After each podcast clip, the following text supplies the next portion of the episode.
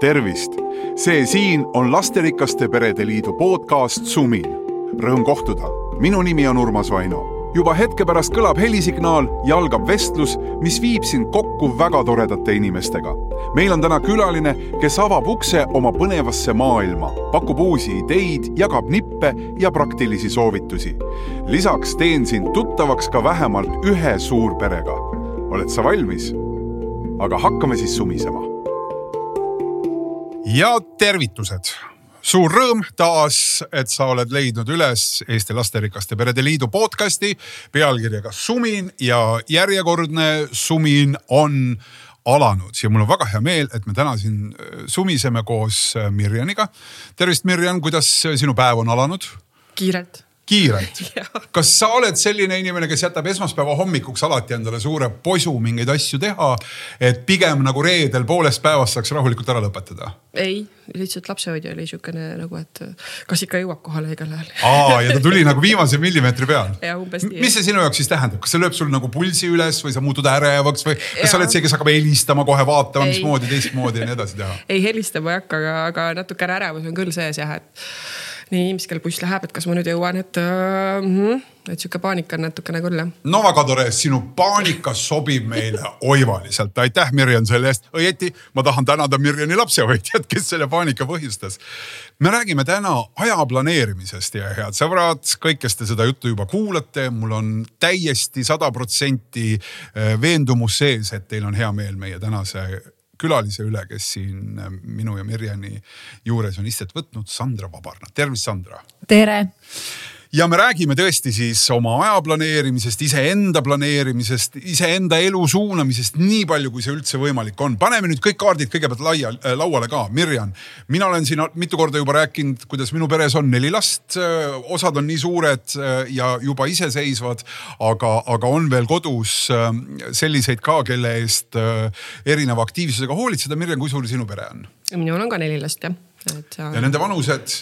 kõige suurem on kuueteistaastane siis on äh, kaheteistaastane neiu, kümneaastane noormees ja viieaastane neiu. poisssüdruk, poisssüdruk. väga hästi, väga korralikus mustris. Sandra, sinul on minul on kaks, kaks last, last., äh, mul on kaks poega, viieaastane ja kahepoolene. ehk me siis räägib siin täna nagu kümme last jagatud kolmele ehk siis selline statistiline kolm koma kolmkümmend kolm ja natukene peale sinna otsa tuleb Sandra, mis ajahetkes sina ise hakkasid enda jaoks vaatama, et see, kuidas ma elan, vajab nagu ümbertegemist, mis hetkel sinu jaoks see kuidagi nagu selgeks sai? Sest nüüd oled sa noh, ütleme, et sa ikkagi astud inimeste ette kui kellegina, kes oskab seda teha, kellel on justkui mingeid soovitusi ja sellepärast me oleme osaliselt sind täna siia kutsunud, eks ju. kindlasti sellepärast ka, et sa oled väga tore inimene, aga mis hetkel sa said aru siis, et nüüd on aeg hakata vaatama, mismoodi asjad käivad? mina sain aru siis, kui ma läbi põlesin ja see oli äh, väga konkreetne, isegi kuupäev, kellaaeg ja, ja kust ma üks hetk lihtsalt ei jaksanud voodist tõusta ja mu esimene poeg oli siis aastane. Äh, sest kui varasemalt oli minu, ütleme selline väärtushinnang, esimene oli nagu edu, karjäär ja töö, siis kui laps sündis, siis ähm, Äh, see jäi ikka samaks ja ma mõtlesin, et ega see laps ei tule minu elu ja rütmi rikkuma, mina teen ikka tema nii nagu mina tahan, tema kohaneb kõigega. Ja. ma võtan ta lihtsalt kaasa. ma võtan ta kaasa. Ja ta käiski, ta käis juba tegelikult kolm, kolm päeva pärast äh, siis, kui ta oli sündinud, siis ma olin juba laval ja ta oli Tallinnas kaasas, ta läks otse Tartust kliinikumist panime autosse, sõitis koos meiega Tallinnasse. oot, oot, oot, oot, oot. see, ta ei olnud ju päevi veel üldse. Äh, ta ei olnud, ta sündis teisipäeval ja reedel oli meil kontsert jah no läks niimoodi, ta ootas seal kaua kõhus ja, aga ma kuidagi ikkagi ütleme, adrenaliin ja kõik, mis seal kokku jooksid, et ikkagi läksin, tegin selle kontserti. et äh, teisega enam ei teinud ja teisega nii halvasti enam ei planeerinud oma asju, võin öelda. ma kuulen nagu isegi mingit väikest nagu süütunnet. ei, tead, ei ole, ma ütlen, et ei ole süütunnet, aga ütleme nii, et kui ma oleks teadnud, mida tähendab ikkagi äh, nagu sünnitus ja mida tähendab see, et äh, mis su keha teeb pärast seda ja, ja kuidas su maailm maailm ikkagi saab sellise paugu mentaalne ja vaimne kõik, et emotsionaalne.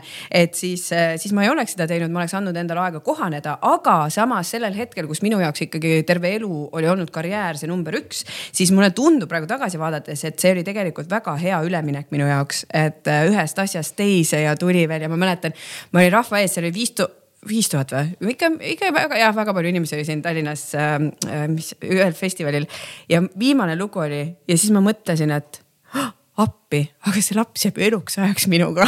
see ei olnud nagu projekt, mis nüüd toimus. jah ja et ma lähen nüüd nagu tagasi sinna koju ja siis ta on seal, et ongi eluks ajaks, et see ei olnud nagu, nagu halb, see ei olnud ka positiivne, see oli nagu selline arusaamine, et oh, eluks ajaks jääb.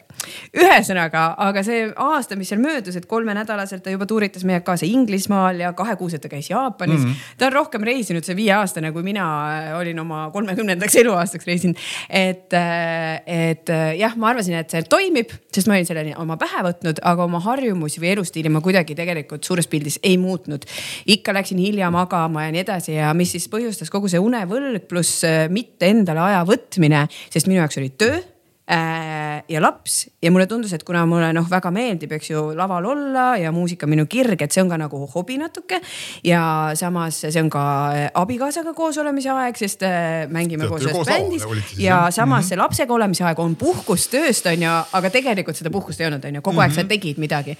et ja siis ma põlesin läbi ja siis ma sain aru, et okei okay,, et praegu ei ole enam see hetk, et kus sa võtad kaks päeva vabaks, magad ja siis äh, lähed sama elustiiliga edasi, vaid et, et nagu päriselt, et kui ma tahan olla ka emana olemas ja, ja ma tahan seda nautida ka seda emaks olemist, see on mm -hmm. veel mhm. teine asi ja tööd teha, et siis ma pean midagi muutma, on ju, ja sealt ma hakkasin tegelema Merjan, kui palju sa tunned ära mingeid sarnaseid olukordi, ma ei mõtle seda, et sa oleks pidanud minema lavale või, või andma seal viie tuhande või, või mitme tuhande eest kontserti, eks ju, aga, aga, aga emana, et kui palju oli selles praegu, mida Sandra rääkis sinu jaoks tuttavat? väga palju ja ei, täpselt seda oli ikka väga palju.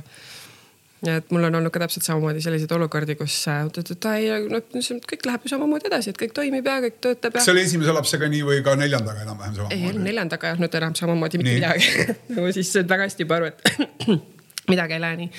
aga see, et noh kui palju, noh, kui tihti tuleb selliseid olukordi, kus sa mõtled, et mul on tänane see päevakava ja ma teen, vot teen täna niimoodi.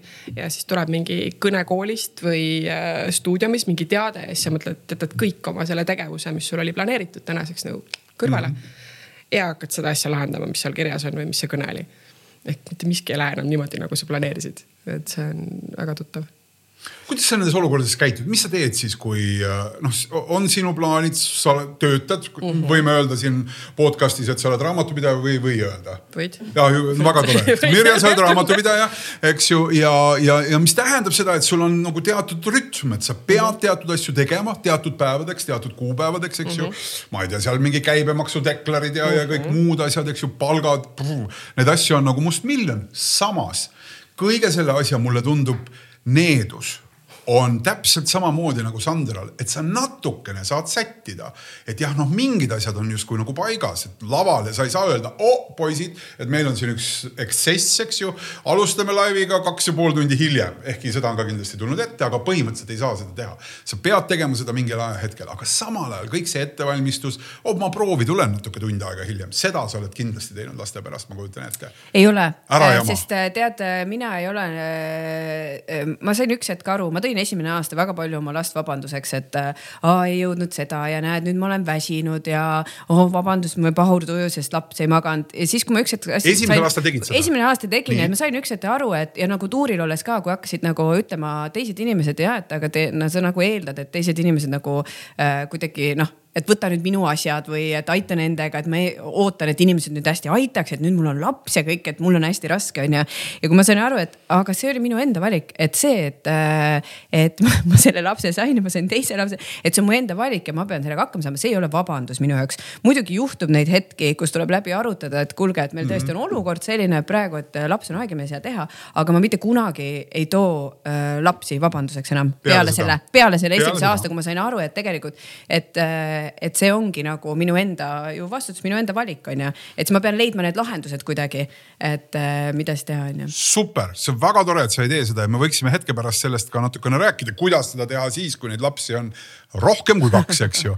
ja veel arvukamalt, aga, aga ma Mirjam tulen enda selle mõtte juurde tagasi, et, et see raamatupidaja nagu mõnes mõttes amet on nagu paneb sind erilise nagu surve alla just seetõttu, et ta sisaldab ikkagi mingit tegemise vabadust. lõppude lõpuks istud sa nende tšekkidega, mida sulle tuuakse öösel kell kaksteist kuni kell kaks, ülejäänud magavad õiglase und. sina paned põmm-põmm-põmm need asjad kokku, järgmiseks päevaks on kõik klaar, et see võimalus vähemalt on õhus. et kuidas sa siis õppisid või mida sa tegid selle jaoks, et sa saaksid oma asjad ikkagi õigeks ajaks tehtud, et need nii-öelda vahele tulevad twistid ei segaks sind äh, päriselt äh, normaalselt elamast ei ole kusjuures nii, ma ei tee öösiti tööd. väga tubli et see on mul nagu küll, et meil on, kui on need päevad, kus, kus mul on nii-öelda ei ole vabatahtlikku tööd, vaid ongi kodus oleme perega, siis kella üheksast on uneaeg, kõik, ka minul. sest et see uni on meeletult oluline. see on üks asi, mis ma olen tõesti ka samamoodi aru saanud, et see režiim, et ähm, jah, tuuakse neid töid, tšekke ja need laste asjad tulevad vahele, aga ikkagi samamoodi töö on prioriteet ikkagi need minu kohustused, jah, lapsed on ka ja siis ma vaatangi, et kas on seal stuudio, mis asi, millega ma pean kohe tegelema või ma saan edasi lükata mm. -hmm. aga see prioriteet on ikkagi täpselt samamoodi lapsi, lapsi ma ei saa tuua vabanduseks, et ma ei saa mingit deklarit või palka ära teha, et äh, siis tuleb leida see lahendus aga kuidas sa siis lahendad neid asju, selles mõttes, et kui sul on noh, neli last, eks ju. ja seal nad ei juhi, kuidas tahavad, mõnikord juhtub see, et nad on haiged korraga -hmm. eks ju, ja siis on korraga ka terved. aga enamasti ju olles näinud seda, on see üks lõputu nagu triangel, üks tuleb, teine läheb piltlikult -hmm. öeldes. ühel on hästi äh,, aga ülejäänud teistel on nagu liibamisi, et mismoodi sa siis sätid seda oma ajagraafikut, et sa saaksid oma asjadega hakkama? Vahest, vahest ei saagi hakkama vahest ongi need rasked hetked, et ei saa hakkama. aga siis tuleb see aeg kuskilt võtta lihtsalt mm -hmm. järjest, aga kindlasti ei tohi see olla uneaeg. et äh, nädalavahetused siis mm. -hmm. et mis on, mis muidu peaksid olema nii-öelda see aeg perega, et siis tõesti see nädalavahetus on see aeg, kust ma, kust ma hammustan seda tööaega. et muud varianti ei ole mm. -hmm no me oleme nüüd unest juba nagu siin äh, Merjan on kaks korda juba öelnud uni, et on tema jaoks tähtis. ma saan aru, et Sandra, sinu jaoks on see ka mingi üks nagu selline nagu põhimõte või üks nendest nurgakividest, mis inimese hea enesetunde jaoks peab olema paigas. miks? No nagu sa ütlesid, uni on kõige alus ja pärast seda, kui mina läbi põlesin, siis oli esimene asi, ma alustasin ühest harjumusest, ma õppisin uuesti magama, et noh, kõik, kes teavad, kellel on väiksed lapsed, on ju, et siis äh, see eriti esimene aasta, eriti esimene laps minu arust lööb paigast ära, et, et keegi äh, kuidagi või see minuni ei jõudnud, et ma sain aru, et jaa, sünnitus on raske ja niimoodi, et ja, ja siis, aga et pärast seda, et ma ei saa magada kolm kuud et kuidagi oli siuke, aa, okei okay,, et. Äh, miks sellest et, mulle ei räägitud? miks, miks keegi mulle, miks mind sellest, selleks ette ei valmistatud, et äh, ja see võib ju edasi minna, edasi minna on ju, et ähm, et äh, siis ma hakkasingi tegelema oma unega, õppisin uuesti magama, sest see oli nii sassi löödud. Äh, ja ma olin nii suures unevõlas, et ma ei jäänudki enam magama õigel ajal, on ju, et, äh, et keha see normaalne rütm oli täiesti häiritud, et ja, ja see on kõige, kõige alus selles mõttes, et nii vaimse, füüsilise tervise, et me jaksaks teha, et me jaksaks efektiivsed olla. et, et me jaksaks üldse näiteks prioritiseerida, eks ju, et täpselt see, et, et kui tulevad, jooksevad asjad kokku, et mida ma siis teen, mis see praegu kõige prioriteetsem on. et tihti hakatakse tegema neid asju, mis on kõige lihtsam lahendada lahendada, aga tegelikult, mis on päriselt, et suuta ka edasi lükata mingeid asju, me ei pea kohe tegelema, on ju. oota, tõmbame korraks seda... siin, oota korraks paneme sellele asjale näppu peale. me tahame teha sageli neid asju mis tunduvad nagu oh kiire mm., kiire, kõigega on muidugi kiire, eks ju, aga see on kiire ja seda on lihtne lahendada ja me hakkame tegema mm. seda. sa ütled, et see ei ole õige ja kui see ei ole kõige prioriteetsem praegu, et näiteks. ehk siis sa eristad seda, et on asjad, mis on kiired ja lihtsad lahendada mm -hmm. ja mis on tegelikult tähtsad. ja, ja tihti need tähtsad ja prioriteetsed võtavad rohkem meil võib-olla energiat ka on ju, et väga tihti vaadake ise, kui te olete teinud mingi to do listi endale, mis te peate ära tegema, et millest te alustate. no väga tublid, kui te alustate kõige keerulisemast ja kõige olulisemast sellel hetkel, aga tihti me alustame nendest, mida on nagu ah lihtne ja siis lükkame neid keerulisemaid natukene edasi, on ju, kuigi võib-olla nad on väga olulised, et, et kui äh, äh, ma lihtsalt hüppan sealt une juurest, et mis noh, tõesti A mm -hmm. ja O kõik kõigele. et siis, äh, kui minul on seesama küsimus, et, äh, et kuidas ma lahendasin selle, et ikkagi juhtub seda, et tõesti üks jääb haigeks või teine jääb haigeks või midagi juhtub, onju. siis on see, et no mina, mina, ma olen lihtsalt selle tüübiga, et ma lähen vara magama ja ärkan, ma lähen ka kell üheksa magama, panen lapsed magama ära, lähen magama. ja, ja ärkan vara ja siis ma teen oma sellise hommiku äh, et ma ärkan, noh, mis ma seal kõik teen, onju. teen ära, äratan ennast ülesse ja siis ma alati, kui lapsed veel magavad äh,, ma võtan alati kõige olulisema tööasja ette, et ma teen selle selle ära või vaatan üle asjad, et mis peavad täna kindlasti töösse saama. et kui nemad ärkavad poole tunni pärast, siis ma tean, et see kõige olulisem, et isegi kui see päev läheb täiesti sassi ja nad jäävad mõlemad koju ja mul ei ole kedagi abis ja nii edasi. et siis ma tean, et vähemalt need kõige olulisemad asjad, mis minu poolt on vaja välja saata, on väljas, on ju et, et ma jah, olen nagu treeninud, et hästi lihtne aju tahab võtta seda, seda, mis äh, nõuab temalt vähem energiat kõigepealt mm -hmm. ette, noh, vaatame meilid üle, vaatame Messengeris kirjad üle, aga selle asemel, et nagu see kõige olulisem võtta, mis nüüd on vaja päriselt teha kuidas sa seda jagad enda jaoks, Mirjam, kuidas, kuidas sa päriselt iseenda jaoks seda olulised, mõnusad asjad ära teha, jaotust tekitad, kui sa tekitad üldse? ja ikka ikka tekitan, mul on. Äh, too mingit väga... näidet, konkreetset mm,. ma arvan, et äh, no mm. no mingid reaalsed, reaalsed elulised näited, mida sa tõstad ettepoole, mida sa tõstad tahapoole, mille, mille puhul noh, nii-öelda emotsionaalselt peale vaadates võiks ka teha teistmoodi, mis, mis võivad olla nagu sellised asjad, kus tõesti oh, hea lihtne asi korda teha ja seda peab tegema ja, ja see on väga vajalik asi justkui nagu pikas plaanis endale tundub nii, aga, aga mis tegelikult võivad võtta lihtsalt asjatult aega, võib-olla viia fookus hoopis valesse kohta võib-olla tõesti see, et mingisugused äh, kiired lihtsad kliendid, et äh, ma mõtlen, et ma teen need kähku ruttu ära, et siis on nendega rahu majas, aga samas on mingisugused pikemad äh, või raskemad ülesanded seal niimoodi mul kogu aeg passimas vaatavad kuklasse? ja vaatavad nagu, ma kasutan sihukest toredat abimeest nagu Uku raamatupidajatel.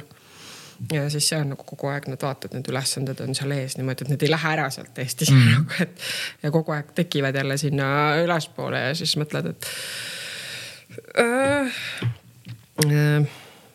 Ma nende ülesannete juures, ma tuleks korraks selle magamise juurde ikkagi, et kui sa, Sandra, ütlesid, et sa õppisid magama, mismoodi see siis nagu päriselt oli, et, et kas sellest piisas, et sa lihtsalt äh, sundisid ennast kella üheksast, juhul kui see oli võimalik, ma saan aru, et kontsertide päevadel see tegelikult ei ole võimalik, eks ju. enamasti kontsertide ajal hakatakse sellel ajal alles, ma ei tea, esinemismeiki tegema, eks ju, et minna lavale siis kusagil seal teisel pool südaööd mõnikord. et kuidas see õppimine siis päriselt sinu juures välja nägi? tead, ma kõigepealt kuulasin ühe raamatu äh,. Matthew Walkeril on nüüd eesti keelde ka tõlgitud, et äh, why, why do we, miks me magame why do we sleep inglise keeles mm. -hmm. ja sain aru üldse nagu, miks see on vajalik, sest minu arust ükskõik, mida sa tahad elus muuta või harjumust juurutada, lahti saada mingist harjumusest, siis koguda infot kõigepealt, et lihtsalt tahtejõu pealt hakata, suruda ennast voodisse nii-öelda onju. et see ei ole tegelikult väga pikalt, see ei kesta. ja siis äh, ja siis ma hakkasin äh, uurima seda. millegi arusaamisest sa pead lihtsalt nagu tegema endale selle pildi selgeks, miks ma seda teen. just, et mitte kohe pea ees vette hüppama, vaid et miks, miks ja kuidas ja mis minul on vaja ja mis minu keha teeb ja, ja nii edasi, mis mõjud mõjutab seda und üldse, sest tegelikult on nii palju tegureid, onju. ja siis ma hakkasin uurima, mis on minu kronotüüp, et hästi-hästi oluline, et. mis asi on kronotüüp? vot kronotüüp on see tunnus igal inimesel, mis näitab ära, et mis ajal talle sobib magama minna. kas see tähendab ja... seda, et mingid õhtuinimesed ja hommikuinimesed? just, just ja tegelikult see ongi niimoodi ja siis on veel keskmised inimesed, eks ju, keskmisi on kõige rohkem, ütleme, et nemad, nendele sobib magama minna sihuke kümne-kaheteist vahel. siis on hilisemaga, kes pärast kaksteist, siis on need, kes on ennem, onju. ja mis see tähendab, et see ei ole lihtsalt nagu määratud suvaliselt, vot sina oled see ja sina said selle, vaid see tähendab, et see keha hakkab teatud ajal meil tootma looduslikult ise nagu melatoniini, mis on see unehormoon on ju mm. -hmm. ja kui me tabame ära selle akna, läheme selles aknas, mis see keha tõesti toetab seda, mitte ei vaata ekraane, ei lähe sellest üle, sest ega mina ka kell üheksa hakkab näiteks või kell kümme hakkab kontsert, ega ma ei kuku pikali onju, sest mu keha hakkas melatoniini tootma onju laval. op jälle melatoniini oh, hoor, vaatad üle, et bändi liikmed ja magab, ei no kus ta magab. et, et loomulikult me suudame üleval hoida ja tegelikult väga palju sellega me oleme oma unerütmi ka rikkunud kõik onju mm, -hmm. et, et see sinine valgus ja kõik ekraanid, aga et kui me tabame, teame seda aega ja suudame ennast nagu sellel hetkel tõesti noh, seal on muid asju ka, eks ju, palju sa sööd ennem õhtul ja nii edasi. aga siis me jääme kiiremini magama ja need esimesed tunnid, isegi öeldakse, kas kolm-neli tundi on need kõige-kõige kasulikumad, kus me puhkame kõige rohkem välja. ja ma olen ise seda väga palju äh, kogenud, et tõesti, kuna mul on hilised kontserdid tihtipeale küll õnneks mitte pärast kahtteist, aga, aga ma saan oma ajast teinekord üks, kaks, kolm tundi hiljem magama, siis ma arutasin seda ka unenõustaja Kene Vernikuga, et mis ma siis teen. et kas ma ikka ärkan samal ajal ülesse, sest seda ka hästi palju räägitakse, et kui sa tahad unerütmi korda saada, siis iga päev ärkad mm -hmm. samal ajal. et mis ma siis teen või magan oma tunnid täis, kumma ma valin onju, siis ta ütles, et siis magad tunnid täis. ja ma teen niimoodi, et ma kontserdi õhtul siis või öö, päeval üritan organiseerida nii, et kui on väga hiline kontsert, et siis ma ei lähe koju, ma jäängi ööseks kuhugi näiteks Tallinnasse, muidu elan Tartus, et siis on lapsehoidja, vanaema seal, et ma saaks välja magada, onju. Mm. sest lapsed ärkavad vara mul mõni, mõnikord võivad kella kuuest ka juba ärgata, onju, et siis ma ei saa unetunde täis. ja, ja tegelikult on nii, et ma magan see kaheksa tundi täis, ütleme, ma lähen kell kaksteist magama pärast kontserti ja ma ikkagi ei ole nii puhanud, kui ma olen siis, kui ma lähen kell üheksa magama, onju. et see tegelikult mõjutab, reaalselt see mõjutab meie seda kvaliteeti, mis kell me lähme magama. ja, sa... ja eluajal see, lihtsalt tahtsin öelda, et eluajal see väga ei muutu, et mis kroonotüübiga sa oled, jah beebid magavad kauem. jah, teismelisena käib see möll ka on ju, seal on juba hormoon, hormonaalne tasakaal, aga muidu täiskasvanu eluajal see, see väga ei muutu, et me saame ise nihutada umbes tunnikene. Mm.. kus me seda teada saame, milline see koroonatüüp on, millal hakkab no, no vot ainet, et tegelikult on ka see, et, et näiteks äh, väga lihtne viis, et kui sa lähed voodisse, et kas sa jääd viieteist minutiga magama, onju.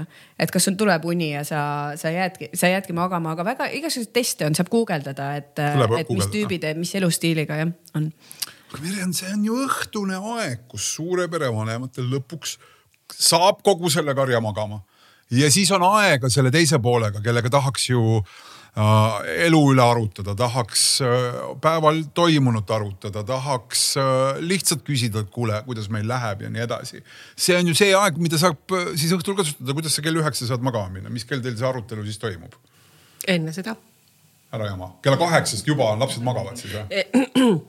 vaata, meil on nagu äh, tehtud selles mõttes sihuke tore asi, et me üritame perega ikkagi koos õhtul, perega koos õhtul arutada, et kuidas see päev läks mm. -hmm. et ka lapsed kaasata sinna, et, et muidu, muidu ongi, et nad teevad seal mingeid oma asju ja mitte midagi ei teagi, et ta saad nende tagasisidet. ja selle teise poolega saab ka, sellega saab nädalavahetustel ka rääkida. ilusasti oma aega. õhtul ongi teie majas reegel, et kell üheksa minnakse magama? jah mis kellaks siis see välja arvatud neljapäevad. miks, miks neljapäeval on siis? sest neljapäevati mõni inimene teeb vabatahtlikku tööd, et siis on siukene kell kaksteist alles jõuad koju. Kas nemad siis, ülejäänud pere on ka sellel päeval üleval, ootavad, et kuni see üks vabatahtlikku tööd tegev inimene, kelle nimi on Mirjan juhuslikult, et, et tema koju jõuab? ei, teised on kell üheksa magamas. ikkagi magavad? jah, et see on kindel reegel meil kuidas te selle kehtestada olete suutnud, sest et mingi, mingi nagu tunnetus ütleb, et ega lapsed ju ka naudivad selle, seda just seda õhtupoolset otsa ja, ja, ja tunnevad rõõmu sellest, et saab veel, ma ei tea, pidžaamas ringi joosta väga raske, see oli väga raske, aga see on äh, konkreetne nõudmine ja ma kontrollin ka seda, et selles mõttes, et äh, teen, helistangi, teen videokõne. kas kõik on voodis, kas kõik on valmis, kas kõik magavad? Noh, suuremale lapsele või siis äh, elukaaslasele, kui ta kodus on, et siis kontrollime. aga jah, kõik magama. mis hetkel te seda juurutama hakkasite, kuidas, kuidas see alguses välja nägi, mida sa nagu, kas sa rääkisid seda üldse perega läbi või oli põmm rusikas lauale, magatakse siin? arutasime läbi ja rääkisime ja me nägime, et see on hästi vajalik, sest et no kõik ongi zombid hommikuti ja keegi mitte midagi aru ei saa ja kõik on nii väsinud ja keegi ei jaksa, et sa nagu nägid, et see on vajalik mingisuguse konkreetse režiimi sisseviimine ja see oli ikka väga raske, et äh, mõni õht on, on ikka niimoodi, kus tükk aega seal see viieaastane käib edasi-tagasi, et tal on üks häda ja siis tal on kolmas häda ja siis ta avastas jälle, et pimedust kardab nagu, vahepeal ei karda, siis jälle kardab, et. et siis jälle viid tagasi ja räägid ja arutad ja voodisse kõik mina tahaks, kas ma võin ka küsida ühe küsimuse või? nii huvitav, et, et viieaastane, seda, seda, seda ma saan aru, see teeb meil ka siukseid asju, aga, aga kuidas see kuueteistaastane nõus oli? Ega ta alguses ei olnud. kui kaua te olete üldse seda pidanud juba kokkuvõttes praeguseks? Äh, ma arvan, et aasta. aasta otsa? no mis ütleb juba, et toimib, eks ju. muidugi. see ei ole nagu paar kuud. ei, see on väga äge. see on see, et sa võtad kõik need nutiseadmed ära mm. -hmm. kõik lähevad teise tuppa mitte kellelgi ei ole neid nutiseadmeid, sest see nutiseadmed. sul endal ikka aeg-ajalt on, sest sa tahad ju ka vaadata Delfis, mida seal on kommenteerinud keegi. ei, ei ole, sa paned ise ka ära kõik. net läheb, äh, internet välja, kõik asjad välja, hääletu peale, sleep mode ja ära. ja see telefon minema sinna, et, äh, et ei, et mitte mingeid nutiseadmeid, asju ega sellega on ka päris mõnusaid vaidlusi, et äh, järsku vaatad, et üks telefon on puudu, siis lähed otsima. ja siis leiad kuskilt padja alt kellelgi tagasi et eks nad ikka üritavad vahepeal, aga, aga see on ikkagi see siuksed kavalad olla niimoodi. Mirjam, suur-suur aitäh, et sa seda lugu räägid ja et sa jagad seda perekogemust. mis selle tõttu muutunud on, et sa aasta tagasi hakkasid sellega tegelema, mis te tänaseks saanud olete, mida sa ise julged öelda ja võib-olla, mida üks nendest neljast lastest või siis ka elukaaslane julgeks jagada, kui ta kuuleb seda praegu, et, et, et mis sina näed, et muutus toimunud on ma arvan, et või vähemalt, mis mulle paistab, on see, et me oleme rõõmsamad, õnnelikumad. et wow. varem oli minu arust seda negatiivsust ja sellist ärrituvust nagu tunduvalt rohkem väga palju oli. jah, seda kaklemist ja seda on nii palju, noh praegu ka. aga seda positiivset suhtumist on minu arust rohkem. päris palju, rõõm, rõõmsat meelt no see ongi see une teema, et vaata, sul saavad kõik äh,, aju saab puhastuda kõikidest toksiinidest ja asjadest, et see, see kõik, mis see päeva jooksul koguneb, pluss äh, ma olen ka nagu lihtsalt nii seda meelt, et mina hoian ka lastel väga seda režiimi ja endal ka, mitte ainult lastel mm. -hmm. ja, ja ma näen, et noh, suvel ikka oli see, et noh, et tuled kuskilt ja siis nad on kontserdil kaasas ja sa kohe näed, kuidas ega nad järgmine päev, eriti need väiksed, ega nad selle tõttu kauem ei maga. vastupidi, nad ärkavad veel varem ülesse nagu ja siis nende rütm on rikutud saad kohe aru, kuidas on palju rohkem probleeme hommikul ja, ja praegu just äh, me jõudsime, noh nädal aega oli sihuke ideaalne, kus nad ei olnud ka väga haiged, eks ju, noh teate mm, -hmm. see sügishooaeg on käes on ju. et äh, siis mõtlesin, et täitsa lõpp, kui mõnusad hommikud, ma niimoodi lihtsalt naudin, nad on rahulikud, mängivad on ju, et see on, see nagu väga mõjutab meie meeleolu on ju ja hea kuulaja, Sumin on siin Lasterikaste Perede Liidu podcast ja nagu sa oled aru saanud, oleme me tänase saate sihiku sättinud nii, kuidas tunda ennast oma elus, oma kalendris ise hästi. ma väga loodan, et see soovitus, mis me siit hetk tagasi nii Mirjani kui Sandra elukogemuse pinnalt äh, siis välja sõnastasime, puudutab ka sind. ja kui sa tunned, et see võiks olla, siis tee see katse ja jaga meiega seda, kuidas sul see siis õnnestunud on, et minna üheskoos varem magama, anda lihtsalt enesele rohkem uneaega, aga jätkame siit. Sandra, see oli nagu üks asjadest, mida sa aru said äh,. ehk siis enam magamine ja, ja endale õige unetunde ja uneaja andmine peale seda, kui, kui äh, lapsed äh, olid tulnud su ellu ja, ja kogu elu nagu jätkus samas rütmis, kui sageli sa nagu ise mõtlesid selle peale, et mis on see minu aeg, sa korra rääkisid sellest ka ja viitasid sellele enda ajale. ja ma ütlen nagu hästi ausalt, et mulle aeg-ajalt tundub see äh, nagu enda kaotamise jutt selline, mis on sisuline aga ma, mulle tundub, et sinna katlasse pannakse nagu nii palju asju, et ta on nagu selline katusmõiste mingite ebamugavate tunnete suhtes, mingite väljakutsete või, või mingite minu eluga seotud raskuste suhtes ja siis ma ütlen, et oh, et kuhu ma ise olen kadunud. kui ma oma kaasaga rääkisin sellest, siis tema ütles, come on esimene aasta sellesama lapsega, ükskõik millise lapsega, on nii teistmoodi, et ongi mingi hormoonimöll ja sa oledki ise teistsugune ja tuleb keegi sinu seest, kes järsku on justkui iseseisev, aga tegelikult ei ole ka, on sinuga seotud. et selle juures ongi lihtne nagu ennast kaotada ja ma lihtsalt mõtlen selle juures, et ega meie mehed vist ei saa sellest päriselt aru, et see, see ongi nagu siis tekibki sinna juurde see minu jutt, et oh, mis asi see päriselt on, kas see on päris või ei ole päris. kas sina oled seda tundnud, et, et mingi osa sinust on läinud kaotsi just nende samade argirutiinide igapäevaelu laste kasvatamise juures? Uh, see oli üks loetud küsimus praegu. teate, kõigepealt seda äh, ma jäin mõtlema, et see, et, et pannakse noh, et ühte patta neid asju või sildistatakse, et seda tegelikult tehakse tänapäeval päris palju, et ei taheta raskustega silmitsi või kuidagi noh, näiteks, näiteks läbipõlemise teema on ju hästi palju, oh ma põlesin läbi, ma põlesin läbi, ma põlesin, et see on nagu sihuke popp asi juba nagu, et mida teha on ju, mõtlemata, et kas see sisuliselt ka tegelikult on seal taga või on lihtsalt praegu nagu keeruline aeg, et. et sa peaks paremini planeerima, et sa ei ole niivõrd võib-olla läbi põlenud on ju. jõin tassiteed ära, vaatasin trenni ja yeah. opa, ma ikka olen... täitsa läbi põlesin eile õhtul, et no näed trenni ei jõudnud üldse et.... nii palju kuuleb seda. ja, ja ma, ja ma olen täiesti nõus ja sama see, et see enda leidmise ja see uus mina ja, ja, ja kõik see, aga selles osas ma olen tõesti nõus, et naised naisena, see on ikkagi mingi kogemus, mis su keha teeb juba läbi füüsiliselt äh, ja mis mm, noh, kuidagi, kuidagi kõik see, ma arvan juba füüsiliselt see keha kuvand endast ja see kõik nagu, et see su pähe mahuks, et vahepeal ma mõtlesin, ma mäletan, kui, kui äh, ma rase olin, et oh my god, et mingi inimene elab mu sees, juba see mõte, saad aru, et sa võid ennast lihtsalt mõelda nagu hulluks tegelikult, et see tundub nii absurdne on ju. ja siis ta tuleb nagu veel välja ja ta on täitsa nagu elus. Ja tema saab ja nüüd ta räägib mulle vastu, et kui sa hakkad nendele asjadele mõtlema, samamoodi nagu sa hakkad mõtlema, et me oleme mingid väiksed täpikesed kuskil universumis keerleval planeedil on ju, et äh, hakkab nii absurdne tundub, ühesõnaga kõik. ehk siis, aga see meil veel see nagu füüsiline, mis see keha ikka teeb läbi, pluss hormoonid ja asjad, et siis äh, äh, no seal on, ütleme see end, enda kaotamine või, või pigem, et kas sa lähed selle muutusega kaasa ja saadki aru, et ahah, asjad muutuvadki või jääd kümne küünega nagu kuskilt kinni hoidma, et ei, et nüüd ma pean äh, kolme kuuga saama, ma ei tea, samasse vormi tagasi ja siis ma pean olema täpselt samamoodi, onju, ja siis see laps kohaneb, et, et kus sa jääd, mina jäin näiteks sellesse kinni esimese lapsega, onju.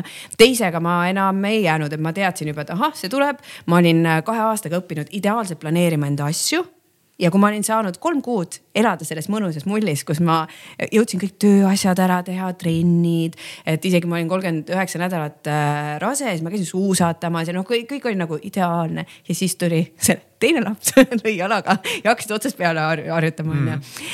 et siis, äh, et kas sa ise lähed nagu saad aru, et okei okay,, ma arenengi naisena ja emana ja kõik, mis tuu-, et nagu nende muutustega kaasa, et siis on see kindlasti nagu lihtsam, kui sa oled ise avatud sellele Versus see, et sa nagu jääd millestki kinni hoidma jah. et ma arvan, et seal on lihtne lihtsalt äh, see, et sa ei võta seda uut rolli kuidagi võib-olla omaks ja siis ongi see, et ma olen nüüd kaotanud iseenda ära, sest tegelikult igapäevaselt mul see roll ju on, aga võib-olla mentaalselt ma ei ole sellega lihtsalt kaasa tulnud. ehk ma olen kellegi ju oma, noh ja see ema nagu seos lapsega võiks olla ka isa seost, aga ma ei tea, meie kultuuris siin kahjuks täna no vähemalt minu vanuses mehed, viiskümmend, siit ma tulen varsti õige pea jah. et me, meil ei ole nagu võib-olla nagu noh, enamasti äh, nagu nii tihedat seost lapsega. ja, ja võib-olla see nagu tekitab ka nagu seda küsimust, et kas, kas me saame meestena nagu päriselt aru seda mm, -hmm. mis naisega nagu toimub, et kui sa oled ikkagi väga kellegi jaoks väga pikka aega ja ma arvan, me, et mingis osas kindlasti ei saagi. Ja, aga samas teie ma ütlen, et, et teie, teie mingis osas ei saagi saada, sest te pole füüsiliselt sellist nagu kogemust läbi teinud, onju.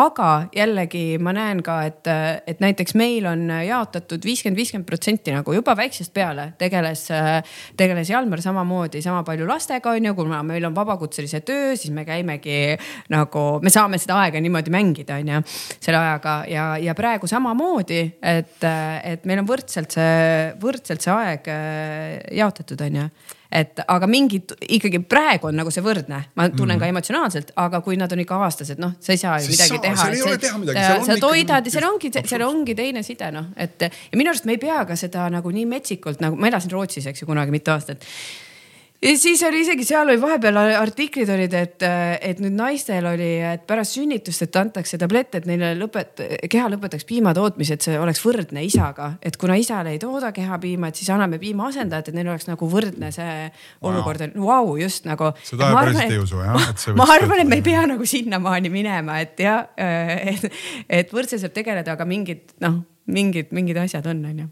Meena, kuidas sina äh, oma nii-öelda neid aastaid laste sündimise järel, mäletad, kuidas sa oled, kas sa oled kogenud seda enda kaotamise tunnet ja kuidas Mingi sa oled sellest välja saanud?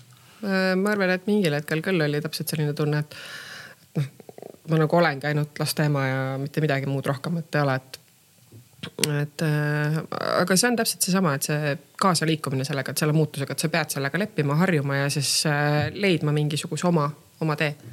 et see enda aeg et võtta seda enda aega sealt. kuidas sa seda võtsid siis enda aega, mis, mis see reaalsuses elus tähendab? ma siin noh, jälle ikka kuulad, kuidas inimesed räägivad ja, ja, ja noh, me ei ole ka nüüd siin väga-väga suur, et eks ju, võib-olla kamba peale kokku saaksime ühe korraliku suurpere, eks ju, kümme, kümme last kokku. aga, aga kui ma kuulen nagu seda soovitust, et, et leia see enda aeg ja kui ma mõtlen, et selles peres on seal seitse-kaheksa last, kuidas see reaalselt elus nagu välja näeb? Et, et see päriselt ei saa ju, isegi kui keegi neist on lasteaias, siis ikkagi kuidagi nagu see kõik peab ju nagu toimuma, et sa ei saa öelda, et aga las ta olla ka natukene aega kasvõi kauem lasteaias ja pärast lähed. no ei ole, see, see, see ei tööta nii mm, -hmm. eks ju, et see kogu selle päeva ja sa ei saa ka öelda mmm,, sõbrad, sööte pärast emme käib siin ja teeb enda aega, eks ju, et ei söö pärast, nad, sa ikkagi teed seda sellel samal hetkel. et kuidas see reaalselt sinu jaoks siis töötas, see enda aja leidmine? minu jaoks oligi näiteks see, et ähm, ma võtsin kätte lihtsalt ühel hetkel, kaks aastat tagasi jah, hakkasin kõndimas käima, lihtsalt üksinda ja hakkasin käima lihtsalt äh, alguses mingi kolm-neli kilomeetrit, siis viis kilomeetrit, lõpuks oli niimoodi, et iga päev kümme kilomeetrit mm. -hmm. see on tund-poolteist, minu aeg, mitte keegi mind ei sega, ma lihtsalt olen ära, kõnnin, veedan aega iseendaga. kasvõi, et see on üks selline lahendus. või siis käsitöö. et ongi, ma võtan oma selle töö sinna ette. mis käsitööd sa teed? tikin mm. -hmm. või hegeldan või koon kuidas tunne on. et aga see ongi, et see on nüüd see minu aeg, et äh, tund aega ma vaatan mingit sarja, panen, võtan oma selle käsitöö ja.... emme, mul on koolis üks mingi asi on, ma ei tea, ma ei, mis ma teen sellega, kuidas sellega saab? ootad, kui see minu aeg on läbi, siis ma tulen ja tegelen kui lihtne seda reeglit alguses kehtestada oli, et seesama, kes siin hetk tagasi emmet appi hüüdis, päriselt nagu aktsepteeriks seda äh,? oli raske. aga siis pärast seda, kui neljas kord juba küsiti ja sama vastus tuli, siis rohkem ei tuldud küsima ja siis oodati ära. aga no selles mõttes jah, see sõidab sellesse minu aega sisse mm. -hmm. aga ikkagi, see on see, et ja no alguses sõidab, pärast mingi aja pärast, et tõenäoliselt enam ei sõida. jah, aga, aga see on ikkagi see, et see on minu aeg, et ma nüüd tegelen sellega ja te ei tule mind segama praegu. et no lihtsalt, kui sa seda enda, enda aega ei võta, siis. mis siis juhtub? siis, siis tekib see, tekib, tekibki see koht, et noh, et ma tunnen, et midagi on nagu väga puudu, et tahaks nagu vahest peast kinni hoida ja lihtsalt karjuda ja ära minna ja mida iganes kõike veel teha, aga kui sa võtad selle aja, siis seda ei teki no tundub, et see on ju ka lihtsalt äh, just vastus nendele olukordadele, eks ju, et kui sa mhm. tunned, et on nagu raske, ma ei oska otsustada, ma ei tea, mida praegu selles olukorras või teises teha. et kui on olemas see harjumus, siis on lihtne tema poole pöörduda, eks ju, ja teha seda, minna kõndima korraks või võtta korraks ette see käsitöö, viia fookus teise kohta. sest nii paljud nagu konfliktid, ma ei tea, kas te olete nõus või, või, või mitte, aga mulle tundub, et nii palju neid olukordi, mis tunduvad, et mm, ma pean praegu kohe tegema midagi, tahavad tegelikult tegemata jätmist. just sellele olukorras, noh, ma ei tea, kõndides tund, vaatad pärast hiljem sellele asjale otsa ja see näeb hoopis teistmoodi välja. väga sageli need asjad on ise lahenenud hoopis selleks hetkeks mm, -hmm. et, et see oskus minna selle kõige nagu teravama olukorra juurest korraks minema, on lihtsalt see, mida see etteharjutamine nagu annab sulle. jah et sealt võibki vahest tulla lihtsalt mingi väga tugev äh, vale, vale konflikt ja, ja see lõpeb veel valusamini, kui sa sellele sisse lähed. Absoluutselt, Sandra äh,, kuidas sina nagu teed enda nagu plaane, et ma saan aru, et, et et, sinu elu ikkagi sisaldab nagu päris pikki, eks ju, plaane, aga need tehakse osaliselt ka sinu eest, eks ju, et. et kuskil on, ma ei tea, kas Tõnu on ka samamoodi kuidagi selles asjas sees ja Jalmar ja, ja nii edasi ja siis on teil kindlasti keegi produtsent, kes need kirjad siis vastu võtab ja vaatab, ahah, et meil on jah, see kalendris vaba ja. ja siis paneb sulle kalendrisse mingeid nagu sündmusi, asju, mingit, mingit elu, aga ülejäänud kõik see, mis on justkui sinu enda käes, kuidas sa seda planeerid, kuidas teha seda, et ma päriselt jõuaks tegeletud asjadega ja jõuaksin veel tegeleda käsitööga ja, ja, ja kõndida või sporti teha no äh, ma kõigepealt põrgataks seda see oma aja asi, et äh, noh, see on super nagu ikkagi, sa oled väga suur eeskuju praegu. Mul selle, mis kaua me oleme rääkinud, nelikümmend viis minutit, et, et nagu teha niimoodi äh, nagu selgeks, et sul ongi lihtsalt ma, ma nagu vaatan tulevikku, et kui need minu omad saavad ka kunagi teismelisteks on ju. Et siis saab äh, ka selliseid reegleid seada, et mina näiteks teengi seda, et täpselt, et see, et ma suudaks vaimselt hakata nende olukordade tegelema äh, teiste teenindamisega, mis on ju lastele, et kui nad on veel väiksed et ka hommikul sa ärkadki ja siis sa oledki sihuke, sa ainult tegeledki nagu nendega. et siis äh, minu jaoks ongi see hommikune aeg näiteks, et ma ärkangi varem ja ma võtangi selle, on see viisteist minutit, on see pool tundi, mõnikord on tund aega, on ju. Mm. et ma võtan endale, ma tegelen, ma loen, ma venitan, ma mõtlen omi asju, et siis olla valmis ja ma kohe tunnen nendel päevadel, kus ma ei saa seda teha, et äh, ongi see, et ma võib-olla ise magan äh, kauem või emb-kumb neist ärkab varem, on ju, siis ma juba tunnen, et oh, nagu midagi on tegemata, et ja tegelikult piisab viieteist minutist minutist on ju, et sa võtad see, see juba see tunne, et sa väärtustad ennast, sa võtad endale ka aega, on ju. et ja päeva jooksul ma teen näiteks noh, trenn on ka see üks asi, mida mina teen ja, eh, ja nüüd ma eile näiteks tegin just see, ma vaatasin, et okei okay,, et ma olen lastega, et tahaks trenni teha ja nad on juba aru saanud, et see trenn on ka nagu nii-öelda minu aeg. ma hüppasin seal kakskümmend minutit, hüppasin toas hüppenööriga, see ei pea ju kohe olema tunniajane trenn on ju. ja nad läksid teise tuppa kahekesi mängima ja nad ei tulnudki, nad ütlesid emme, sa teed nii palju müra ja siis olid kahekesi seal teises toas. et, et ja, ja kui nad olid väiksemad, siis ma tegin näiteks koos nendega trenni, et muidugi on mingid hetked, kus neid ei saa nii-öelda ära, ära panna onju. et siis, aga mida saab nagu koos jällegi teha või ma läksingi välja jalutama või ostsin nagu ekstra, ostsin näiteks jooksukäru, et ma saaks käia jooksmas onju. ja, ja ikkagi mina ka mõnikord, kui on ikka selline päev, et nagu mingid tööasjad plahvatavad järjest asju, ma pean olema seal arvutis, lapsed on kodus. et äh, siis ma kasutan äh, ekraane, ma panen neile selle multika mängima, meil kodus telekat ei ole, onju, et nad kogu aeg ei nõua. aga siis ma ütlen, et okei okay,, mul on vaja seda viiteist minutit praegu, et kas see, et nad vaatavad viisteist minutit või ma ei tea, pool tundi multikaid versus see, et ma kohe nagu poole tunni pärast lihtsalt plahvatan nende kahega mm., onju. et siis äh, ma valin selle ja siis ma jaksan nagu tegeleda, onju ühesõnaga, see oli see, see mõte veel selle oma aja, aja leidmises ja, ja muidugi eh, mina lihtsalt ka, mul on nagu lihtsam rääkida, ma saan aru, kahe lapsega on see lihtsam, et ma just reede õhtul eh, hoidsin ka oma venna lapsi, nii et mul oli neli last korraga ja siis ma küll mõtlesin, et oh, ma tulen esmaspäeval seda podcast'i salvestama, et uh, see on ikka täitsa teine, teine level nagu teine tase nelja lapsega. et nad muidugi kõik olid sellised, et kaks kahe poolest ja kaks viiest on ju ka. et siis need mõnuga tõmbasid mm. üksteist käima.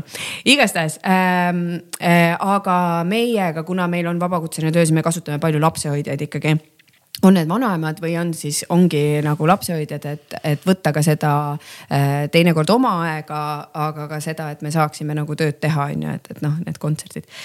ja planeerimise osas tead, mulle tundub, et kõige noh, väga tihti räägitakse, et kuidas sa siis, mis need nipid on seal aja planeerimises, aga ma olen ikkagi jõudnud siia, et, et seal on kaks olulist asja ei, kolm olulist asja.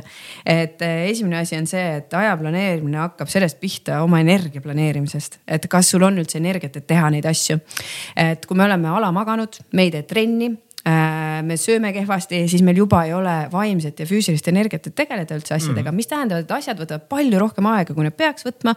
võib-olla me ei oska isegi nagu äh, seda nagu lahterdada seda, mis on siis oluline, mis ei ole, lihtsalt teeme ja teeme ja tundub selline noh, et ma pean kogu aeg tegema, on ju, et see energia, e, et näiteks mul on oktoober on megatihe kuu, kus mul on üle kahekümne rääkimise äh, või, või sellise koolituse ja mis ma teen, ma otsustasin, ma teen iga päev, kui mul on koolitus, ma teen trenni iga päev, sellepärast et äh, see on prioriteet, et ma ei ava ennem meile, kui me ennem rääkisime, et mida prioritiseerida, ma ei ava meile, sest need on jooksvad asjad. ja ma teen kohe esimesena, ma teen selle trenni ära, sest see on see, et kui ma pärast avan meilid, siis mul on palju rohkem nägemist seda. Äh, jah, et ma jah, just siis on nägemist päev esiteks, et äh, aga kui ma teen seda hiljem, mul on palju rohkem fookust, on ju, ja, ja otsustusvõime on palju parem. et siis on energia planeerimine, teine asi äh, on väga oluline jällegi prioriteedid, et äh, meil on palju asju me tahame teha palju asju, aga me paratamatult kõike ei jõua, et mis on siis see kõige-kõige-kõige olulisem, on ju. et saada, saada sellest aru. Äh, ja, ja kolmandaks on fookus, mis on väga suur probleem, mis ma näen ka, et mida ma hästi teadlikult pean ka enda suhtes hoidma. et kui ma avangi selle meilid, siis ma tegelen ühe asjaga, et see rööprähklemine, et see on suur müüt, et inimesed suudavad rööprähelda, et tegelikult meie aju hüppab ühelt asjalt teisele tähelepanu on ainult ühel asjal, kahjuks mitte mingit ja, muud võimalust et, ei ole. Äh, mm. ja, ja see tähendab seda, et me oleme õhtuks olemegi rohkem väsinud, sealt tekivad halvad valikud, ma ei tea, tellime endale, no mina näiteks olin see, kes tellis kogu aeg umbes pitsat on ju või mingit rasvast toitu, siis sõin selle, siis läksin magama, halb uni. hommikul oled jälle rohkem väsinud, et see on selline ring, mis läheb, on ju. et aga kui me tõesti keskendume ühele asjale korraga, noh, teemegi meile, ei piiksu see, ma ei tea, Messengeri või Instagrami aken seal taga on ju, teed ühe asja ära. miski ei ole halb, siis võid minna sinna Messengeri või Instagrami vaatama, aga et sa teed ühte asja korraga, on ju, et sellega me hoiame oma ikkagi aju. ja, ja ma arvan, et eh, siis ongi, siis ei ole vaja mingeid ekstra mingeid äppe tõmmata aja planeerimiseks panna, et, et kui sa juba suudad fookust hoida, on ju, ja sul on energiat, et seda teha. et eh, ja mulle tundub, et ka läbi selle tegelikult saavad ka prioriteedid palju selgemaks mm. -hmm. Merjem, sinu käest küsin hoopis selle nurga alt, et, et nelja lapse emana on selge, et et selles igapäevases kohustuste rivis nagu lapsed nõuavad palju, et nende peale igal juhul kulub aega kui nii saab öelda. aga saab, sest ma just ütlesin nii, eks ju, et sa, et sul on nagu ühe, teise ja kolmanda ja neljanda lapsega äh, vaja tegeleda. ja mulle tundub, et seal on mingi asi muidugi kõigepealt ka laste iseloomudest johtuvalt, eks ju, et et ühed on need, kes tulevad koju ja, ja, ja nad lihtsalt räägivad räägivad ja räägivad, mis päeval juhtus, kes mida tegi, mida anti süüa, siis tegi see seda ja miks ta mulle siis niimoodi ütles ja nii edasi. siis on need, kes ütlevad, et aa, päris hästi läks ja ei ütle midagi rohkemat, eks ju, ja, ja, ja muidugi on see ja siis on laste vanus, et kus nad äh, tõenäoliselt vajavad ja tahavad oma aktiivsuse pinnalt nagu erinevat aega. aga lõpuks tahavad nad tähelepanu kõik. kuidas sa teed seda, et, et, et kõigil oleks sind võrdselt või et need vajadused, mis on seal, ma ei tea, kas vanematel või noorematel, et nad saaksid kaetud ka siis, kui nad ise ei ole väga aktiivsed küsima. mulle tundub, et see on nagu nende suurema laste arvuga perede puhul tegelikult väga-väga tähtis. Mm, on. ma olen proovinud, üritanud teha seda, et äh, ma leian iga lapse jaoks eraldi päeva või aja kuus. ehk et ongi mis iganes üritus kohe tuleb Käpapatrulli film, arvake ära, viieaastane onju. kas me võime tulla? tuli juba, tuli juba onju, et seda peab vaatama minema kindlasti, et et äh, igale lapsele vastavalt siis tema siis nii-öelda huvidele või asjadele, et nüüd on see päev, kus me koos midagi teeme. just sinuga. kusjuures tõesti osadele piisabki see, et lähme koos poodi. et tüdrukutel on näiteks, et see kohe kaheteistaastane tüdruk on ju ja viieaastased väga veel ei ole, aga kaheteistaastane, et lähme koos poodi. et lähme shoppame täna koos okei okay..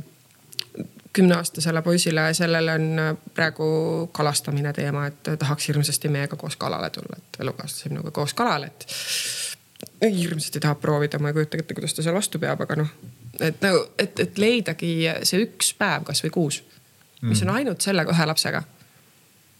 noh, sest et muul ajal lihtsalt ei ole see võimalik, et sa peadki nagu kõigile nagu seda natukene mingisugust oma aega leidma kuidas sa seda päeva siis ette valmistad? käpapatrulliga on väga lihtne, sa võtad sealt Apollust need või kuskilt mujalt ah,, ongi vist ainult Apollo uh. -huh.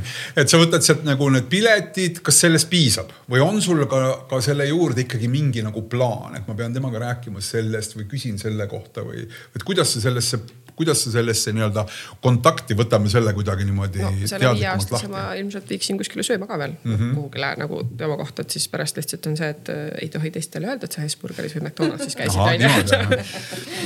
aga suurematega on küll, et selle päeva peale, et mis ma selle suurema lapsega nüüd võtan, et siis ma nagu arutangi läbi, et, et kas sul on mingisuguseid muresid, kas sul on mingeid mõtteid sest et äh, lapsed on tõesti väga erineva iseloomuga, et äh, see, kellel seal need hormoonid on nagu seal väga kõrgel laes ja kellel natukene rahulikumalt, et, äh, et siis peadki selle vastavalt sellele lapsele siis temaga selle aja veetma. kas kuskile üritusele minema või mm -hmm. koos sööma minema lihtsalt välja teistest eemale. ma saan sellest kuu peale ühe päeva leidmisest väga hästi aru, ma arvan, et see on väga hea idee, mida saab tõesti teha ka nagu suurema perega ja saab seal nagu kuidagi kombineerida kindlasti mingil kombel ja mingil moel, et see tähelepanu tekiks ja see tähelepanu oleks.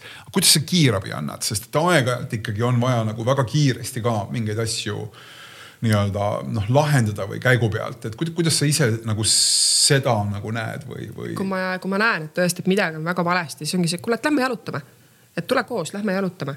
ja tulevad Kas selle viie kilomeetri peale kaasa? ei, nad sinna ei tule see on sinu aeg ikkagi et mm -hmm. kusjuures äh, tüdruk, äh, suurem tüdruk on minuga käinud koos kaheksa kilomeetrit lihtsalt kõndimas, lihtsalt sellepärast, et ta tahab olla koos minuga.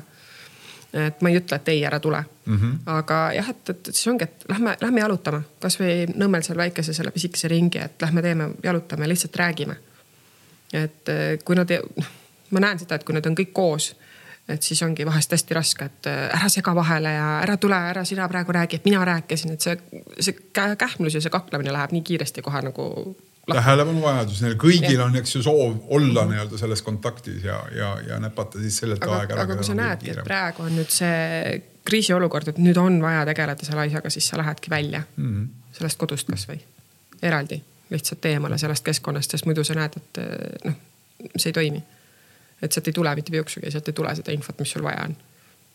Selles mõttes on liigutamine muidugi geniaalne mm, -hmm. sest see on nagu see hetk, kus tõesti mõtted ja, ja, ja selginevad ja, ja saavad ventileeritud sõna otseses mõttes äh, parema õhuga äh, kuidagi nagu klaarimaks ja, ja see kõik seal nagu parasjagu ja parajasti toimub hakkame vaikselt nagu kuidagi nagu kokku tõmbama, et, siin on olnud päris mitu sellist äh, minu meelest tummist ja loodetavasti hea kuulaja sinu jaoks samasugust äh, ideed, mida minimaalselt tasuks kaaluda ja, ja edasi sealt kindlasti ka järele proovida Sandra, et kuidas sina oled enda asjad nagu ära rakendanud, et, et mida selleks teha, et mingi uus harjumus siis päriselt saaks, saaks nagu lihaks ja luuks, kui sa oma kogemuse pinna pealt räägid, sest ikka neid segajaid, ikka neid asju, mis tuleb vahele ja mulle tundub, et elus on see seadus. Et kui keegi nagu proovib midagi, siis kuskilt mingi emotsioon või energia proovib nii-öelda ka seda harjumust kohe nagu järele. katsub, kas päriselt on või ei ole mm. -hmm. tead, mul on kaks nippi kujunenud välja läbi aastate nüüd. Äh, esimene on see, et teha endale selgeks see miks miks ma tahan seda harjumust muuta, mis see mulle annab, et, äh, et kuna ma ise just teen sellist aastat, kus ma võtsin äh, sellise eksperimendi, et kakskümmend kolm harjumust, mida ma hoian siis kas iga päev või iga nädal, mis toetavad minu füüsilist ja vaimset tervist. kakskümmend kolm. kakskümmend kolm jah, et neid ma tean, neid on palju, aga ma olen mingitega juba tegelenud. Äh, mingid olid sellised, ma olen proovinud ja mõned olid uued, on ju, et ja ma olen sellega lihtsalt tegelen iga päev, et see, et see on natuke teistmoodi, et ma ikkagi, kui tahta midagi muuta, ma alustaks ühest kõigepealt. igastahes ja et miks. oot ja kuule, need ei ole kakskümmend kolm sellist, et umbes, et äh, iga kord, kui uude kohta lähed, koputad vastu uksepiita. ei no need on sellised, ma magan, magan kaheksa tundi, teen neli korda nädalas trenni, pärast kella viite ekraane ei vaata ähm,. joon vett piisavalt äh, päeva jooksul äh,, teen oma hommikurituaali, loen, teen joogat ja nii edasi nagu, et okay. erinevad asjad, hästi palju jah, füüsilise tervise, vaimse ja siis ekraanidega seotud, et kuidas ma seda nagu käsitlen. ühesõnaga, et miks ma seda teen, ma kirjutasin aasta alguses, et miks see on oluline minu jaoks, et, et üks põhjus ongi näiteks lapsed, et siis mul on laste jaoks energiat, sest ma sain enne sügise aru, et, et ma läksin lastele lasteaeda järgi ja siis mõtlesin, oh millal see noorem magama läheb. ma ei taha elada iga päev sihukese mõttega, et millal ta magama läheb. et, et siis saaks ekraani ette tagasi. jah, ma ei tea ekraani ette või et siis on nagu oma aeg, on ju. et, et ma tahan nautida seda ja see võtab energiat, et lastega olla, et siis on vaja energiat endal tekitada või hoida, on ju. et see oli üks minu hästi tugev miks ja teine ongi see, et nagu nautida seda, kus ma praegu olen äh,. varsti neljakümnendates et, äh, et seda hetke just, et äh, mitte, et ma mõtlen, oo vot siis ma teen seda või siis mul on jaksu, kui ma olen selle või see või lapsed on siis nii vanad. et just praegu seda nautida, et need on minu nagu kaks hästi suurt miksi. ja teine asi on selline, ma kiirelt räägin ära, on lihtsalt üks hea selline tööriist, on teha endale abc plaan ja see tähendab seda, et vaata hästi tihti me öö, paneme plaanid jaanuari esimene jaanuar, kuu esimene päev, esmaspäev, sünnipäev ja nii edasi. ütleme jälle, vot nüüd ma enam seda ei tee või vot nüüd ma olen selles ideaalne on ju, et vot teen nii. ja me paneme selle ühe plaani ja siis, kui tuleb täpselt elu tuleb vahele, mis alati tuleb. lihtsalt, kas ta tuleb juba kolme päeva pärast või tuleb nädala pärast on ju, kaua sa jõuad hoida, et äh, siis äh, äh, ja me ei tee seda asja, siis äh, me tunneme ennast hästi süüdi. nii, ja see süütunne on tegelikult tegelikult väga-väga halb ja väga mõttetu asi, sest tegelikult sa oled andnud selle lubaduse nagu endale ja sa tunned enda ees ennast süüdi. ja kuidas seda vähendada, ongi teha endale abc plaan. A-plaan on see ideaalne plaan. no võtame mm -hmm. minu trenni, neli korda nädalas teen trenni, nii, see on A-plaan teen B-plaani, juhuks kui üks laps jääb haigeks, mis ma siis teen sellel nädalal? okei okay,, ma ei jõua teha neli korda nädalas, ütleme tund aega, ma teen kolm korda nädalas kakskümmend minutit, hüppan hüppenööriga. ikka parem kui mitte midagi, saan kodus ka teha, laps on haige, nii C-plaan on, kui veel üks muutuja on, mis iganes töö juures on hästi kiire. hüppenööri peos, teen kõike muud, aga hüppenöör on käes lihtsalt. hüppan viis minutit okay., ei, ei no ja see siis selles võib-olla ei ole habet, aga hüppan viis minutit ja kolm korda näiteks või kaks mm. korda. E, või lähen jalutan kakskümmend minutit on ju, et sa midagi ikka teed, et see C-plaan on selline, et sa saad teha seda ka siis, kui see on noh, kõige halvem stsenaarium. et näiteks lugemisega minul on nii, et ideaalis kakskümmend minutit päevas. Äh, kui või hommikul, kui ei jõua, siis kümme minutit, kui ei jõua, siis päeva peale kümme minutit, aga mõnikord ma loen ühe lehekülje. ja point on see, et sa juurutad seda harjumust, et isegi kui sa teed seda üks protsent, siis sa teed ikkagi rohkem, kui sa ei teeks üldse, on ju. ja su ajus tekivad uued mustrid, mis ongi tegelikult kõik meie harjumused on teatud mustrid seal neuronite vahel, närvirakkude vahel. ja, ja mida rohkem sa seda kordad järjepidevalt, isegi kui sa kordad seda vähem, siis see muster tugevneb ja tugevneb, on ju. ehk isegi ja... lugedes tõesti selle ühe lehekülje, siis sa jõuad mingil just... hetkel mängeldes paarikümneni. jah, ja abc mm. plaan ongi selles mõttes, et see tekib, see võtab selle süümetunde ära, sa ei pea olema alati ideaalne ja me ei saagi olla ja mind näiteks isiklikult väga mõjutavad aastaajad on ju. et äh, ma kohe tunnen, et mingeid asju tahad rohkem teha, mingeid asju ei taha, et siis sa jätad selle mänguruumi iseendale ja sa vähendad iseenda neid süümepiinu ja seda, et ma pean olema ideaalne. eriti nagu naised, kes tahavad seda teha, on ju, et perfektsed, kui ma seda, kui ma neli korda nädalas trenni ei tee, siis ma ei tee üldse et seda vaata tehakse hästi, et, et seesama, mulle väga meeldis see näide, et noh, et vaata, kui läksid pulgad on ju, siis mingu trumm on mm -hmm. niimoodi jah. et ühes podcast'is väga hästi räägiti, et, see on see, et noh, mõtlesid, et vot see nädal ma üldse suhkurt ei söö ja siis sõid esmaspäeval selle koogitüki on ju, noh ja siis, mis me tavaliselt teeme, on see, et noh, siis mõtled, ah suva. teisipäeval, ah. teisipäeval ja ma hoopis tellin selle mm -hmm. jäätise ka veel on ju, et see on sama, mis sa teed, see, et keegi tuleb, sul lööb ühe rehvi katki ja sa võtad ise selle noa ja lähed lööd veel kolm tükki ja siis paranda seda autot nüüd on ju. et lihtsam on see, et okei okay,, see üks läks, davai, see on okei okay., ma sõin täna kooki, aga ma jätkan homme on ju. et siis täna oli see B-plaan, aga homme ma jätkan, vaatan, kas saan A-plaani. ehk juba igasugune nagu muutus, juhul kui me ei pane seda nagu absoluutsena endale kirja, aitab sind alati kaasa. mulle tuli meelde lihtsalt, et aasta alguses kusagil on see kas kuueteistkümnes, seitsmeteistkümnes, kahekümnes jaanuar, mida, mida peetakse globaalselt inimkonna kõige halvemaks päevaks, sest et uuest aastast, siis kui on antud tuhandetes, no mis tuhandetes, miljonites erinevaid lubadusi, on need kõik nagu lennanud, kus see ja teine ja siis üldiselt tuntakse nagu ennast ah, ollakse reaalsusega silmitsi, aga tõesti endale selliseid äh, nii-öelda tingimuslikke või, või asju, millest noh, sa pead läbi murdma võib endale muuta neid asju lihtsamaks.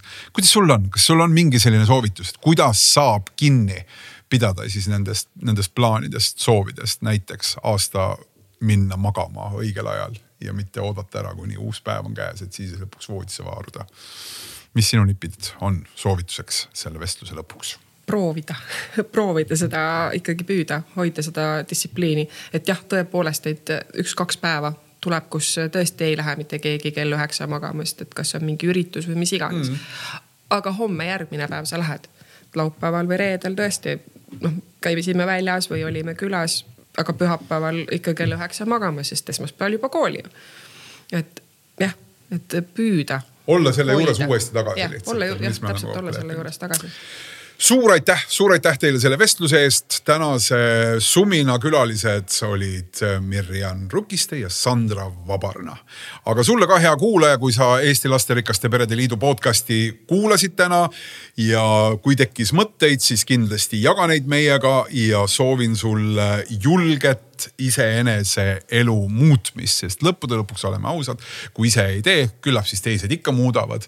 ja miks anda ära enda käest siis miski, mida võiks vabalt ise juhtida nii ilusate sõnadega lõpetame nii täna. ja suur aitäh teile tõesti veel kord aja eest, nii kuulamise kui rääkimise aja eest. ja järgmine podcast on siinsamas kuskil, vajuta play ja me alustame kohe jälle